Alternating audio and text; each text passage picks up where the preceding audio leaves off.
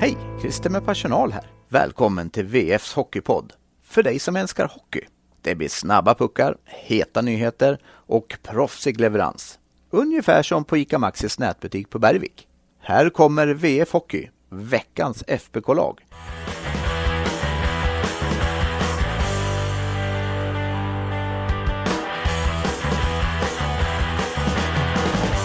Tre matcher och bara en av maximala nio poäng. Vart är Färjestad på väg och hur ska de ta sig ur den här formsvackan? Välkomna till VF Hockey, veckans FBK-lag och välkommen till podden Jonas Griver. Tack så mycket, tack så mycket. Vi drar in en eh, lyssnarfråga direkt för att involvera er. För ni är fantastiska på att ställa frågor. Eh, så Jens Karlberg skriver så här. Jag har ingen kritik mot någon av spelarna men vilka är anledningarna till Färjestads rejäla dipp? Vad säger du? Ja, det kan man verkligen bara sammanfatta med tre ord. Brist på självförtroende. Mm, det är så. Egentligen, ja, men alltså det är egentligen bara att kolla på Kolla på matcherna, kolla med lite nyktra ögon ni som är supportrar. De har ju inte spelat dåligt men de får inte in pucken. Det är alltså jag vet inte, alltså ta, ta Leksandsmatchen som är, är närmast framför Alltså kollar man alla underliggande siffror och expected goals och allt vad det nu heter. Det är, det är en match som Färjestad ska vinna. Mm. Men Leksand är effektiva. Alltså vad gör de? De skjuter 17 skott, gör fyra mål. Eh, Färjestad, ja, jag vet inte. Nu, visst, man kan prata om att eh, att eh, Filip Larsson storspelade och han räddar eh, 37 skott men säg att det är fem av de skotten som verkligen är hundraprocentiga målchanser och resten är utifrån eller utan eh, skott, eh, alltså skymning. Utan skymning. Mm. Alltså det är, ja, det är ett eh, det är ett Färjestad som, ja men man, man, man har inte självförtroendet offensivt. Och svårare än så är det inte. Nej, det, det grinar emot eh, just nu. Um, alltså av, av de här tre matcherna som vi pratar om nu med nio poäng. Jag tycker även Malmö-insatsen var prestationsmässigt. Mm. Den, var, den var så här. Men det är klart man alltid kan göra saker bättre. Uh, och det är klart är individuella misstag och hur man ser på det liksom. Men den var ju bra nog för att kunna vinna den matchen. Mm. Och sen är väl man får se lite alltså det är ju att man får göra två mål där i slutminuterna. Två skott som, som lägger sig. Ja, såklart ska ta nio fall av tio. Det är såklart, där känner man ju att så här, hade det varit 3-0 tempo, det in, inte tusan hade de tappat mm. en sån match. Eh, sen så Malmö får ju energi av det och sen så är det en styrning 3-3 och sen står väl matchen och kanske väger lite. Men det är också där, det är små marginaler. Mm. Och det är klart att det är trist för alla som eh, hejar på Färjestad som eh, hör att ja, men det är små marginaler som gör att de förlorar. Men ja, alltså någon gång under säsongen så, så kommer ju alltid en dipp. Mm. Eh, de är i, i, i det var, väl det, här, det var väl det här Mittell pratade om eh, förra veckan. Jag stod och sa att det var små marginaler när vi vann i höstas men då var det ingen som ville lyssna. Nej, nej men exakt. Eh, han sa alltså, det är bara att kolla. Alltså, de vann ju många udd, med uddamålet där de själva mm. avgör i, i slutminuten. Han lyfter ju fram eh, med ett gäng matcher, bland annat Örebro borta och mm. det var Linköping hemma där de avgör i powerplay och ytterligare två, tre matcher där de verkligen gör mål med, eh, med mindre än tre, fyra minuter kvar. Eh, nu, är det, nu, nu är det lite tvärtom istället. Mm. Eh, så ja, det så, och, eh, generellt sett i hockey så är det ju faktiskt så här. Eh, och det här får man aldrig glömma. Måste alltid ha med sig i formtoppar och i formsvackor. Det är väldigt ofta bra en, ska jag säga det nu? Det är väldigt ofta en tränare som hyllas och gör någon, och för vad hans lag presterar. Eller väldigt ofta. Det har aldrig hänt att en tränare som hyllas för det hans lag presterar har haft en målvakt som underpresterar. Nej. Förstår du? Ja. Nej, men eh, alltså har du en bra målvakt då kan väldigt mycket se bra ut och du kan vinna och så vidare. Man vinner ju inte hockey utan en bra målvakt. Och jag säger så här, Färjestad har inte förlorat alla veckans tre matcher på grund av att Viktor Brattström och Max Legacy har varit helt bedrövliga. Men vann Viktor Brattström målvaktsmatchen i tisdags? Uh. Timrå. Nej det gjorde han inte. För att, Timrå, eh, okay, ja. Han höll ju nollan med Timrå. Ja. Ja. Vann Legacy målvaktsmatchen i torsdags mot Adam Werner? Nej. Vann Brattström målvaktsmatchen i lördags mot Filip Larsson? Nej. Nej. Lagen som, eh, det, alltså det är ju, hockey så sett så är det nästan fjantigt att analysera ibland för att utan att din målvakt vinner målvaktsmatchen så är det väldigt sällan du vinner matchen så sett. Uh, så någonstans där känner jag att Färjestad är och fall vi även backar bandet lite. Kommer du ihåg Linköping i Färjestad i höstas? Uh, nu har de mötts två gånger. Ja, eller? men på bortaplan. Ja. Har de väl bara varit en gång där. Det kanske de har, ja. Det var ett skott från blå som eh, Carl Lindbom skulle stöta bort med stöten. Han får en halvträff på den, han får inte ut den dit han ska så den landar ja, framför det, mål och så gör de mål. Mm. Just det, just det. Kommer du ihåg vi snackade om det där? Med honom efteråt. Det var liksom en grej att Carl Lindbom gjorde ett mm. misstag. Just det, och det där var väl också snackat då hans liksom första match där han verkligen kanske fick lite kritik också. Mm. Han hade ju hans stått på huvudet väldigt exakt, mycket innan. Exakt, det var hans första misstag. Mm. Mm. Det säger väldigt mycket om målvaktsspelet Färjestad hade under säsongsinledningen där de vann väldigt mycket. Att han gjorde ju inte ett enda misstag då. Eh, så Nej, det, man, man, ska alltid ha med sig det. Eh, sen som du säger, alltså vi, vi är inne på det. Det finns jättemånga saker de kan göra bättre. Absolut. Men eh, ja, jag tycker du hade en fin intervju. Har ni inte läst den med Magnus Nygren efter matchen i lördags? Så han, han, brukar vara ärlig i sina analyser och även i den här att det känns som att han berättar vad han, vad han pratar om. Ja, men mycket alltså det är klart att jag som, som, som många andra, det är klart att vi ser ju även fast vi är på på plats i arenan. Vi ser vad som ser på sociala medier och det är klart, såklart många som är irriterade på att men det skjuts alldeles för lite. Och mm. det där var väl en Just mot Leksand var väl en sån kanske extremmatch där man verkligen vill hitta en extra passning eh, istället för att skjuta. Och jag tror att det också var första gången den här säsongen som jag var i Löfbergsaren och jag hörde spridda burop. Ja. Eh, och det var ju efter att Nygren får pucken mitt i slottet, eh, mer eller mindre helt ren men väljer att passa i sidled. Mm. och det är en passning som blir helt galen och så åker pucken ner och så. Och då kommer ju det här uh, buropen lite här och var. Och han sa det själv ny att ja, har man inte självförtroende då, då väljer man kanske en, en passning. Mm. Uh, och nu, man tänker istället för att bara agera. Man tänker istället för att bara agera, exakt. Uh, och han, men sen så ställde jag också frågan om man hade blivit ombedd att skjuta mer. Det är klart att många efterlyser mer skott ja, från exakt. blå. Han sa det, ja, jo, men då, jag, han sa så här, jag hade gärna velat jag hade gärna velat ha en kamera på er så ni själva ser hur svårt det är att, att skjuta när man har 11-12 ben i vägen och få igenom det skottet. Och visst, jag kan skjuta varje gång men risken då är att det tar på ett ben och så får jag hämta pucken ja, men 60 meter bak istället. Mm. Mm. så att det, det är lätt om man sitter på, på läktarplats med en annan vinkel och tänker att han ska skjuta direktskott hela, hela tiden. Men riktigt så enkelt är det inte. Det är tydligen inte många, många direktskott från blå som görs i SHL utan spelarna är, är väl mycket duktigare på att täcka de här skotten. Och det är klart att han är ett, han är ett hot där och det vet motståndaren om. Så mm. då är det lätt att bara skärma av där och låta någon annan ta ta längden. Nu såg vi ju här att eh, Ejdsell hade ju ett, ett gäng eh, direktskott och det var väl något skott där i powerplay som tog på skaftet tror jag på eh, Filip Larsson som, som lika gärna hade kunnat eh, eh, rendera mål. Så, ja, men ja. exakt. Ja, dock en, en sak han pratade om som jag faktiskt håller med om.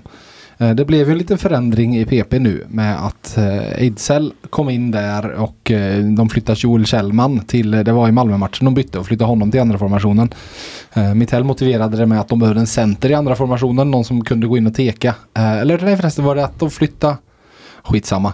I den första formationen är det nu i alla fall eh, Nygren på blå och så är det Thomas Ekensell varsin kant och så är det Joakim Nygård och Per Åslund som cirkulerade fram. Nygård och Kjellman var de ute plats på förresten. Exakt.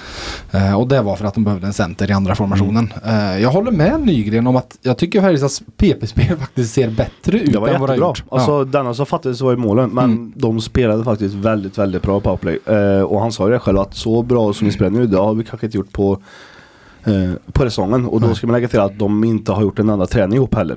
Nej. Just den eh, enheten.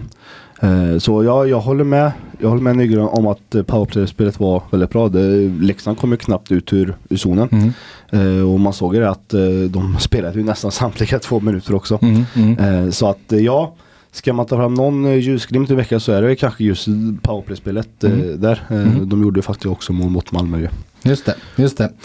Du, vi går in på veckans lag och där bak, vi har ju nämnt de som har stått. Det har varit både Legacy nere i Malmö och Brattström två matcher. Vem tar vi ut?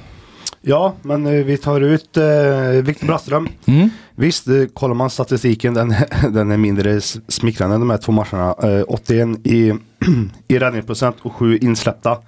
Eh, det är klart att matchen mot Leksand, den var ju väldigt märklig. Mm. Eh, på så sätt att han fick väldigt få skott emot sig, men de skotten är ju det var många, så det är svårt att göra någonting mm. åt. 1-0 eh, mål, Oskar Lang får stå helt ren och, och dunka in den och sen är det en styrning och sen är det ett annat ja, man tar en halv minut in i tredje och så är det en spelare som får stå helt ren och sen mm. så kommer Lang fri och så ja. Det är egentligen mål, alltså man ska inte kräva att han ska ta dem, eh, tycker jag. Eh, sen ja, alltså det är klart att det såg väl med Max Legacy mm. eh, i hans fall, det såg väl ut som man egentligen förväntar sig kanske att det ska se ut av en målvakt som inte har stått i mål på match mm. på en månad. Mm. Ja, han såg ju satt... rostig ut. Ja, alltså det är klart att man satt där och reagerade lite och tänkte herregud, han, han är inte alls redo. Eh, liksom det var enkla eh, ja, men, returer väldigt enkla. Så, mm. lö, lösa puckar där han såg lite fundersam ut. Bara ska jag blockera, ska jag släppa, mm. ska jag blockera och liksom Positionsspel också, ja. Mitell tyckte att han var redo. Uh, utifrån såg det inte alls ut som han var redo. Nej. Men ja, jag vet inte, ska man kräva mer av någon som har, har varit borta så pass länge och slängt in helt Jag vet inte. Han kräver nog mer av än det där av ja. sig själv. Ja. tror jag. Så sätt. Eh. Du, vi tar back nummer ett då. Och där blir det August Thornberg som vi plockar ut. Som faktiskt är den enda spelaren som är på plus efter den gångna veckan. Om vi ser till plus minus. Eh, inte var inne på något mål bakåt. Eh, och har även en assist. Eh, 15-27 har han snittat i istid på de här tre matcherna. Var inte med att träna idag eh, där. Men eh, nej, han vi ska väl säga det nu rent krast. Nu menar Brattström blev uttagen, Tornberg blev uttagen och så vidare. Det är ju ingen superlätt vecka att plocka ut sex namn. Men vi plockar ut de som varit bäst. Bäst betyder inte betyda att man har varit överdrivet bra. Men bäst är ju fortfarande i, ja, men, i jämförelse med de andra. Så, ja, och så vem har vi som andra back? Eh, där har vi Joel Nyström. Mm. Han som kanske är bäst av alla nu också. Eh, han har vi plockat ut ett gäng gånger med, med all rätt. Eh, och jag tycker att här, eh, enligt mig, han är den enda backen i Färjestad med en X-faktor. Eh, just det här med att han det händer alltid saker när han får pucken. Han vill gärna transportera upp pucken mm. eh, ur egen zon in i anfallszon och han skjuter mycket och han har det här eh, om en lilla extra. Mm. Eh, och jag skulle gärna vilja se att fler eh, det är klart, går man tillbaka till guldsäsongen. Du hade Virtanen, du hade mm. Lennström, du hade Joel Nyström, du hade Albert Johansson. Där har du fyra backar med den här X-faktorn som, som kan göra någonting extra. Mm vad har de nu? Nu, nu är det egentligen bara Nyström. Och mm. sen så har du backar som eh, som är lite mer defensivt lagda. Mm. Visst, du har en Magnus Nygren men som inte alls har fått till det. Du har en Karl Dahlström som kan, har vi ju sett, men som inte heller har fått det mm. och lossna framåt. Vi har sett hur eh, eh, om Jonathan Andersson har också haft sina stunder men också lite för mycket upp och ner. Mm.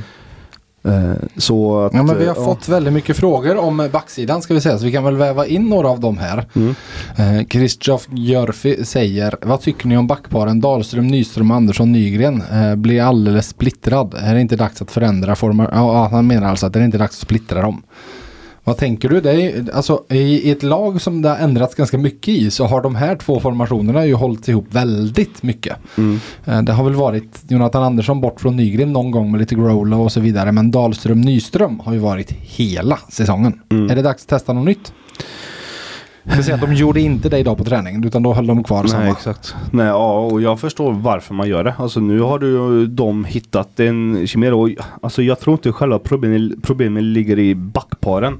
Jag tror det är snarare liksom hela hela sättet man försvar på. Vi, vi kan gå tillbaka till det här med ja, men hela den här målvaktscirkusen. Det är mm. klart att det är klart som tusan att även fast spelarna själva inte vill erkänna det eller att tränaren inte vill erkänna det. Det är klart det finns en liten, eh, vad ska jag säga?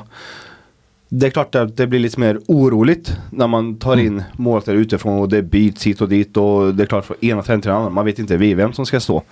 Eh, och det är klart att i försvarsspelet, det är klart det blir lite annorlunda. Om du inte har en Lindbom eller lägger sig tillbaka som har stått liksom hela säsongen och man vet vad som gäller. Mm. Eh, så jag tror att snarare problemet ligger snarare i försvarsspelet i sig än att det ligger i hur backparen har eh, formerat. Så hade jag varit mitt nej jag hade inte ändrat någonting.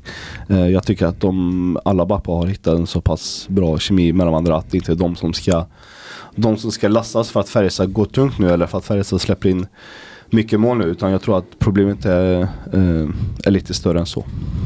Vi har en fråga från Thomas Sandberg som jag kan då svara på. Hur länge ska man acceptera Karl Dahlströms obefintliga försvarsspel framför egen kasse? Det har pågått alldeles för länge nu.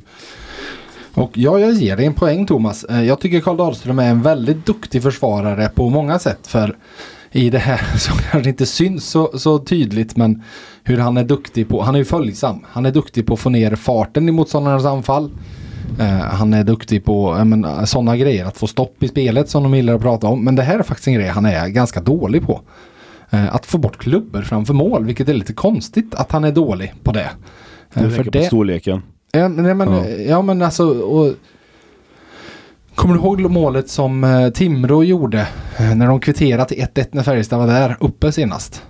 Det var då när, ja, eh, när Brattström, ja, exakt, exakt. Och Brattström var ute och simmade lite och, och de la in den. Då står han där. Han och Joakim Nygård står där, en mm. klubba att ta bort. De är två mot en. Nog att det är ingen målvakt i mål så jag förstår ju att det är små marginaler. Men den måste han ju ta bort och det var ju samma här Leksands 3-0 mål. De, de kommer ut eh, till andra perioden, har ändå gjort det bra i första. Fullpumpade, nu ska vi köra. Och så, det är ju en markeringsmiss. Han lämnar ju honom alldeles för nära. Så att, nej, jag håller med. Det är lite anmärkningsvärt att, att han inte är bättre just i den delen. Eh, Niklas Örn frågar gärna, diskuterar gärna backsidan. Är den byggd för ett långt slutspel eller vart den bara sminkad av extremt bra målvaktsspel i höstas? Fall vi hade haft Thomas Mittell här så tror jag han hade suttit och svarat om att försvarsspelet handlar inte bara om backarna. Han är ju, pratar ju ofta om det att vårat försvarsspel bygger på våra forwards och backar ihop. Eh, när forwards inte hjälper backarna då ser backarna dåliga ut. Så är ju han. Klart som gammal back att han, han är skyldig över på de forwards. Ja, med all rätt. Alltså, mm. Det är klart att eh, jag har väl sett några matcher där man Jag tycker att man blir lite väl låg ibland i mm. försvarsspelet. Just att forwards kommer lite för långt ner.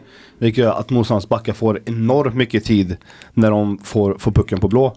Och då har det ofta hänt att FBK forward gärna stöter. Mm. Kanske blir bortspelade. Då är det väldigt lätt, då öppnas ju enormt med ytor bakåt. Antingen för ett skottläge eller för en passning. Och där bör man hitta något mellanting. Att man inte får bli så, så låga samtidigt som man inte heller får bli för breda. Mm. För, för att öppna ytor eh, på kanter. Ja. Eh, på kanter. Mm. Så att ja, eh, vad jag förstod så har de väl kanske slipat eh, extra på just försvarsspel nu senaste tiden. Och får man ordning på det så blir det betydligt lättare att vinna matcher sen mm. också. Eh, så är det. Nu är den här. Kia EV9 är e, en helt elektrifierad SUV med ultrasnabb laddning, oslagbar komfort upp till sju sittplatser och en räckvidd på upp till 505 kilometer. Kia EV9 e öppnar en värld av möjligheter. Kia, movement that inspires. Vafa bil, din bilaffär och A-bilar i Arvika. Vi hoppar fram till forwardsidan och eh, jag minns när jag började på VF då tog vi varje match ut topp 5 i VF-ligan tror jag vi kallar det. Uh, nu gör vi lite liknande, vi plockar ut topp 3 men då sammanställde vi alltid 5, 4, 3, 2, 1. Uh, och alltid när Färjestad förlorade då fick Emil Kåberg en plats. det är ju lätt så. När ett lag förlorar och spelar dåligt då blir det grovjobbarna. Eh, och när ett lag som Färjestad just nu inte vinner så mycket då blir det lätt de som har en hög lägstanivå. Så jag river av två namn direkt som vi tar ut. För Joakim Nygård är med och Per Åslund är med. Åslund som bästa poängplockare den senaste veckan. Eh, och eh, faktiskt, vi ska ju säga det, han hänger kvar där uppe i toppen av den interna poängligan. 27 poäng, 12 plus 15. Nygård, åtta skott på mål och jag tycker han eh, har varit kreativ och tagit ansvar ändå i, i den eh, formsvacka de är inne i.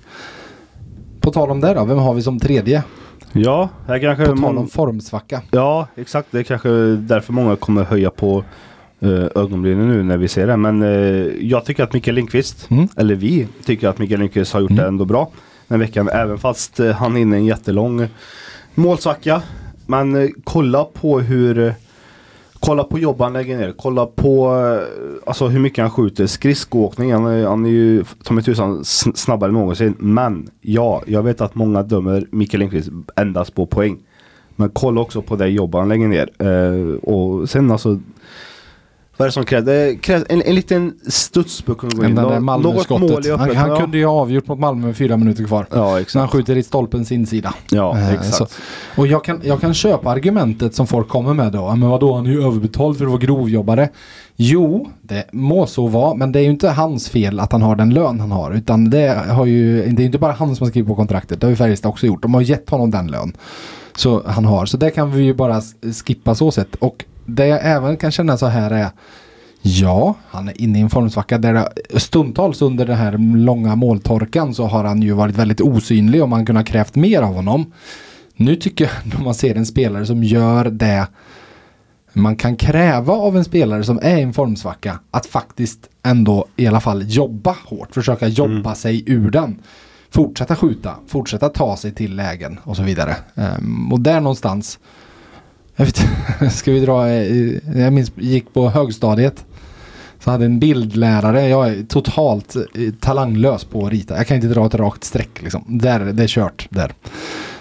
Och då var det, ja men så länge jag i alla fall kommer på lektionerna och är där och gör det de säger att jag ska göra, då får jag godkänt. Det var kört för mig att få något mer än godkänt, men då fick jag godkänt. Lite samma sak här.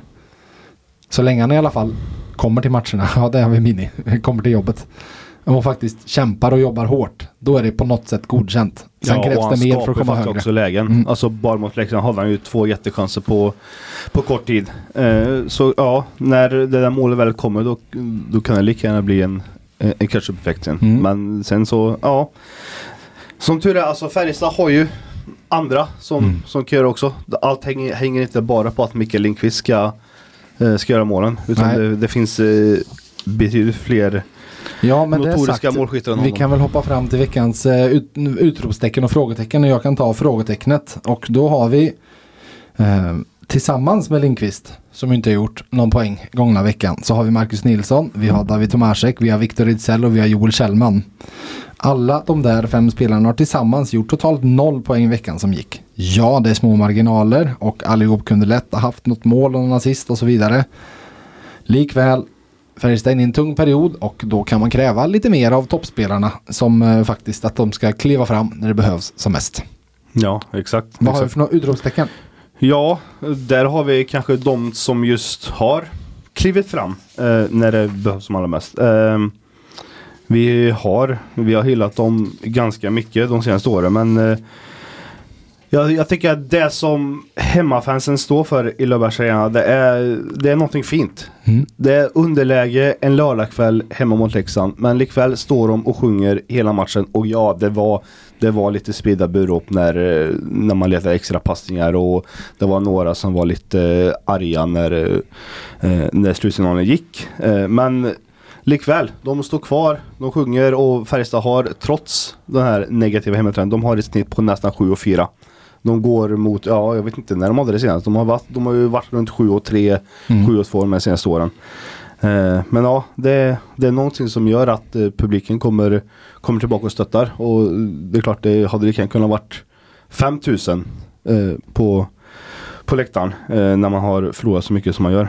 Eh, så ja, cred till eh, Cred till alla, eh, alla Grönvitefans som gör eh, Löfbergsserien till en magisk eh, plats att vara i. Vi på Värmlands Folkblad älskar våra värmländska nyheter. För oss är det viktigt att berätta om alla små och stora nyheter som har betydelse för våra läsare. Just nu kan du provläsa VF helt gratis första månaden, därefter 69 kronor i månaden i två månader. Länk till erbjudandet hittar du i avsnittsbeskrivningen. Vi hoppar fram till lite fler lyssnarfrågor och Oskar Moberg har en här. Det känns som att det inte finns något samspel i formationerna. Många lägger över ansvaret på den med puck och då blir det one man show. Sen tappar man pucken eller dumpar den på tom yta dit ingen är eller är på väg mot. Vad känner du? Ja, och då kommer vi väl tillbaka till det här med att det är alldeles för många spelare som, eh, som saknar eh, som saknar självförtroende. Och det är lite så här vad gör vi nu? Ska du göra det här? Ska jag göra det här? Vem, alltså, ja, man har, man, man har testat nya formationer. Det enda innet som har varit eh, intakt ganska länge det är ju, ju det här med Åslund, eh, Tomas och Nygård och, och den mm. tycker jag fungerar. Eh, sen ja, nu testar man Linkvist med, med Johansson och Ögren. Där tycker jag att det finns någonting. Mm. Eh, kanske kan Ögren få fart på Linkan. Men ja, jag, jag, jag, jag förstår vad han menar. Eh, man har sett stunder i matcher där de... Jag vet inte, de får inte fast pucken riktigt. Nej. Det är, eh, det är ofta att ja, man dumpar eh, motståndarens backar hämtar och så vänder man spelet och så, ja, jag vet inte. Det, det är någonting som inte riktigt klaffar där. Var är jag? jag kan tyvärr inte svara på men det är någonting som gör att man är, det, vad säger man? Det hackar maskineriet. Mm, mm. Magnus Jonsson, eh, non silly både nu och inför nästa säsong. Jag har precis haft ett långt snack med Rickard Wallin. Eh, ni har en lång, lång text att läsa på vf.se. Eh, där vi, vi pratar inte så mycket inför nästa säsong men vi pratar om den här säsongen i alla fall. Eh, och ett namn jag lyfte upp där eh, som eh, inget belägg för att han skulle vara på väg till Färjestad men det gick att dra streck mellan en punkt till en annan och så vidare. Eh, och nu, ja, ni får ursäkta uttalet men eh, typ Nicolas Bedouin eller någonting. En eh, fransk-kanadensisk back som har haft kontrakt med Montreal Eh, Eh, och nu placerad på unconditional waivers for purpose of contract termination. Vilket innebär att han ska bryta kontraktet och när de gör det då har de alltid någon ny klubb klar. Så vi kan räkna med att han dyker upp i Europa här kommande dagar. Eh, och det intressanta i sammanhanget då är att han har varit tre år i Chicagos organisation när Thomas Mittell var där. Inte enbart spelat i NHL men spelat en del i NHL. Eh, så att det skulle kunna finnas en jättekoppling där. Rickard Wallin sa, eh, jag kommenterar inte andra spelare från andra lag. Och jag bara, men vadå, han har ju, han har ju snart ingen lag, han kommer bryta kontraktet. Ja ändå, inga kommentarer på den. Så han ville inte säga någonting. Eh, jag har inga belägg för att det, det, är någonting men det var ett namn värt att lyfta i alla fall. Vet du vad det är för typ av spelare? Ja, en leftback eh, som förra säsongen, han spelade bara halva säsongen i AHL men snittade en, eh, så att han, hade han spelat 82 matcher hade han gjort 50 poäng i AHL. Och spelade lite VM för Kanada och så för något år sedan. Så att det, och draftade i första rundan av Chicago. Så att det finns ju hockey igenom uppenbart. Eh, men har haft det tungt i år i Level Rocket där, Montreals farmarlag. Mm. Du tror inte att uh, Valle kommer lyfta, lyfta telefonen och ringa till Ambri Piotr och säga Hola Gomestai Gäster Virtanen per favore. Ja, det hade väl varit någonting. Nej, jag tror inte att de släpper honom. Nej, Nej alltså så här, jag frågade ju Rickard också och han sa ju klart och tydligt att eh, hans, som han, han gillar att säga, att hans uppdrag är ju alltid se över vad som kan göra Färjestad bättre. Han var dock väldigt tydlig med om jag, se, om jag tycker att det finns något på marknaden nu som kan göra oss bättre, nej. Så sa han. Det är väl mestadels breddspelare som finns nu för tiden. Ja, och Färjestad behöver, speciellt nu när Henrik Björklund faktiskt har börjat träna med laget också. Så behöver ju inte Färjestad bredd. Det är ju inte det som är eh, behovet utan i så fall skulle det vara någon spets. Jag ser ju som vi har varit inne på tidigare i podden en riktigt bra vänsterfattad back hade jag tyckt kunde ha lyft det här laget faktiskt. Jag håller med. Uh, Hans Jonsson fråga, eller Johansson ska jag säga, förlåt. Uh, hur ser ni på försvarsspelet i egen zon? Tacklingar nästan till obefintliga. Motståndarna kommer oftast ut med puck och vi är på rygg. Möjlighet, möjligt att jag är gammalmodig men när jag höll på så var det jobba från rätt sida med kropp och start och stopp för att ligga rätt. Nyckelord i egen zon. Jag är även nyfiken på att höra er syn på det offensiva spelet. Det känns lite uddlöst och det ska gärna vara ett pass extra. Och pass extra det är ju det vi har varit inne på med mm. att när man inte riktigt har självförtroendet och så vidare. Eh, Färjestad är fortfarande ett av Sverige, eh, SHLs bästa lag när det kommer till expected goals framåt. Eh, där ligger de i topp i ligan. Eh, de låg ja, men inför helgen här tror jag de låg tvåa. Så att där eh, ser det fortfarande bra ut. Eh, sen har de dalat på expected goals against, alltså emot. Eh, för man ser på de senaste månaderna att där har liksom sakta neråt för den där trappan liksom. För där, även där låg man topp två, topp tre, topp fyra ett tag. Um, så att där, det är där man har tappat lite och det pratade Caroline i den där intervjun jag um, refererade till att de har sett tecken på vad som var på väg att hända innan det hände. Så sett. Eh, men han sa att sen är det så länge man vinner så är det svårare att få gehör för det. För det är klart, fall tränarna säger ni måste göra det här mer annars kommer vi börja förlora. Ja men vi vann ju ändå. Det blir lättare mm. att komma undan det då. Men när man förlorar så då blir det till sist att okej okay, nu måste vi göra det här. Mm. Så nej, vi får väl se. Ehm, men det är klart att alltså. Ja, ja, vi, för vi har pratat ganska mycket om försvarsspelet där tycker jag. Eh, totalt sett. Uh, Jan Rosenqvist skriver diskutera betydelsen av att få formsvacka på rätt tid slash fel tid på säsongen. Tänk om starten på 2024 varit starten på säsongen. Blir fort ett nytt HV eller Brynäs och så är det ju.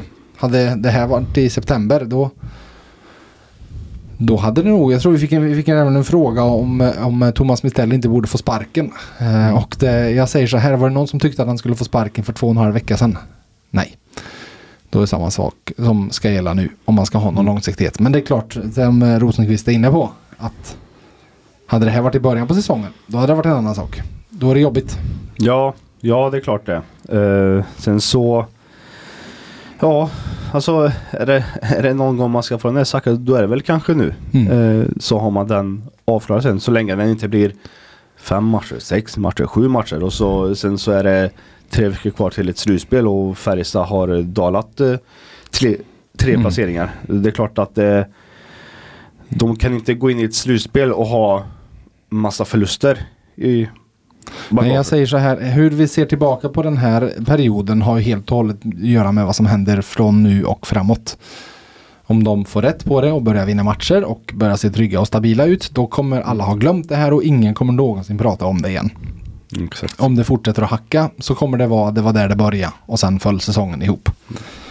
Tobias W. Lindner, frå Lindner eh, frågar. I ett långt slutspel, vem är 2024 års variant av 2022 års dito? Backen som blir vår härförare.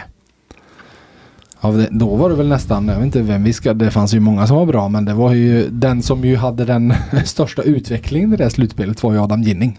Mm, just det. Faktiskt från var, var han kom mm. till. I alla fall vid, vid, vid den här tidpunkten mm. på den säsongen satt vi och pratade om Adam Ginning som en säkerhetsrisk som inte borde mm. spela.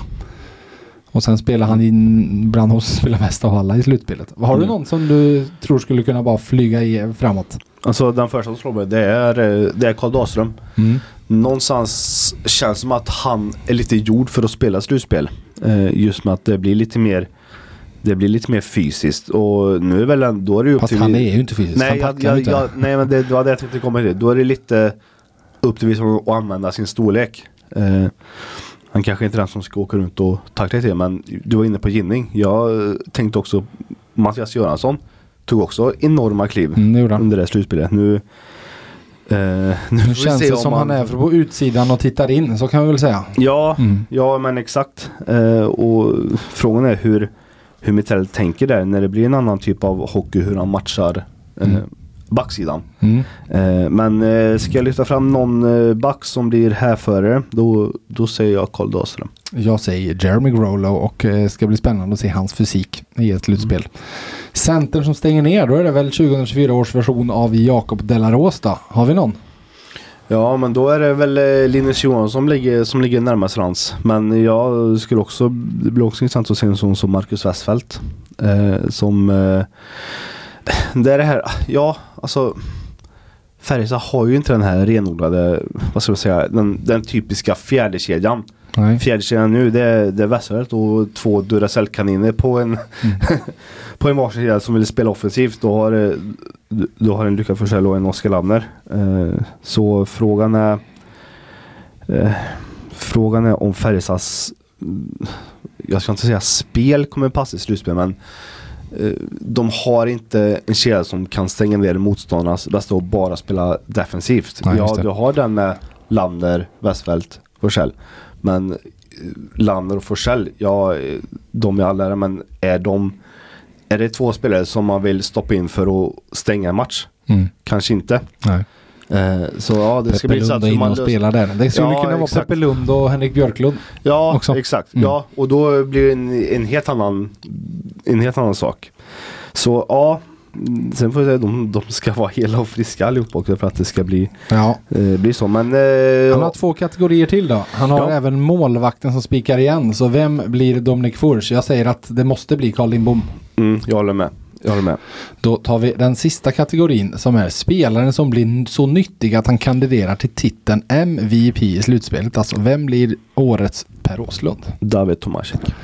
Då säger jag Joel Kjellman faktiskt. Mm. Eh, att det hade nog behövts för att Färjestad, jag tror Tomasek är ganska, visst han har aldrig spelat svensk slutspelhockey men eh, med sin storlek och så vidare så tror jag att han kommer kunna passa i den trafiken. Ehm, um, Kjellman tror jag, alltså skulle han pricka formen och börja produktionsformen också så skulle det kunna vara en sån enorm nyckel för det här laget.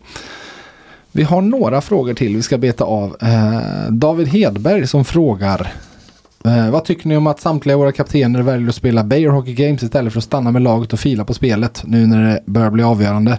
Så här man kan vända och vrida på det åt alla håll. Jag tror kanske det kan vara jättebra att få äntligen komma iväg från sin vardag och komma iväg och spela. Nej just det, de ska vara hemma ja. Jag tror alltså det kan lyfta spelare också och komma iväg. Man har sett det så många gånger. Någon som har stuckit iväg och kommit tillbaka och fått lite självförtroende. Fått göra något annat. Eh, jag tror inte alls det behöver vara negativt. Nej, och man har ju hört att uh, många Många spelare, det är klart deras dröm, deras mål det är ju att spela i landslaget. Mm. Uh, och att få göra det på hemmaplan i Karlstad så man är dum i huvudet om man tackar nej. Ja. Alltså, det är klart man inte ska tacka nej. Det, det här är också nej. deras port in i ett eventuellt VM-lag också beroende på hur många från NHL som eh, som eh, kommer loss. Mm. Eh, så att ja. Och då kommer vi till vad Linus Johansson har pratat om den här turneringen också. Att det är ett perfekt tillfälle att visa upp Karlstad för Exakt. potentiella toppspelare. Exakt. Kom hit och bo, se Exakt. vad fint det är. Ja. Sen förstår jag, det finns fans som tycker att det är plojturneringar och det finns risk för skador och det ena, ja. Det men... finns risk för skador om du går ut på stan också på den här ja. isen. Ja, exakt. De fan har skridskor på sig när man ja. tar sig fram. eh, Oskar Lundin frågar, säg att Wall och kompani letar efter en topp 4 inför deadline day. Vad kan finnas på marknaden? Ja, du hade ju ditt förslag att ringa ner till Schweiz. Eh, mm. Men eh, vi nämnde väl då borta i Nordamerika. Mm. Potentialen finns väl i alla fall. Sen en Sista fråga är det det vi har. Ja, kanske är det. Från Mattias Bodström. Eh, hur mycket av den senaste tidens svaga resultat kan härledas till målvaktskalabaliken som pågått sedan Lindbom Legacy skadade sig? Jag gav väl mitt svaga egentligen i början där med kring hur jag tänker kring hur lätt det är att vinna utan en målvakt på topp. Mm. Det är klart det är.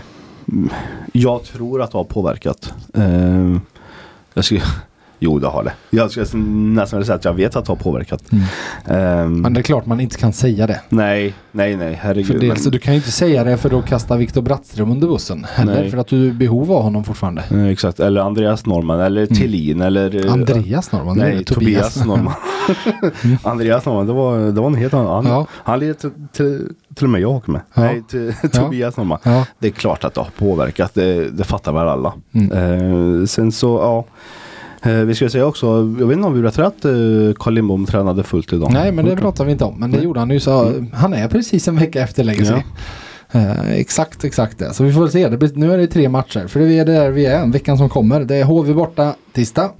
Det är Linköping hemma torsdag. Och det är Modo borta söndag. Och sen kommer det landslagsbreaket. Mm. Så får vi börja med det då. Står Carl Lindbom något innan landslagsbreaket? Nej. Nej, jag tror inte heller det. Vi vet ju att han har någon slags förslitnings... Eller liksom någon muskelskada mm. får vi anta. Att det är en mjukdelsskada. Eh, och då kan de ge honom två veckor till. Eh, jag skulle inte tro han står. Vad tänker du om veckan som kommer då? HV är starka och framförallt på hemmaplan så är de väldigt, väldigt starka just nu. Och ja, vad, vad känner du om de tre matcherna? Uh, lurigt. Uh, du ska få den här frågan. Jag ska ja. formulera så här. Hur mm. många poäng krävs av Färjestad på de här tre matcherna för att det ska lugna sig om du förstår vad jag menar. Sju. Sju poäng. Mm. Ja, sex poäng någonstans där. Mm. Jag skulle tro I alla fall att liksom, man får med sig två segrar. Ja, precis. Två segrar alternativt att det är en, en sudden vinst och en sudden förlust. Mm. Liksom, att de har fått poäng mm. i alla matcher. Jag tror oavsett, bara man vinner, tror jag kommer lugna, lugna mm. de flesta. Ja, ja eh, någon seger. Du, eh, stort tack för denna dag, Gribba. Mm, tack själv. Och till er lyssnare, det är dubbelpodd-vecka på gång. Så jag ska sätta mig med min poddgäst senare i veckan och köta. Så tills dess får ni alla ha det så gött.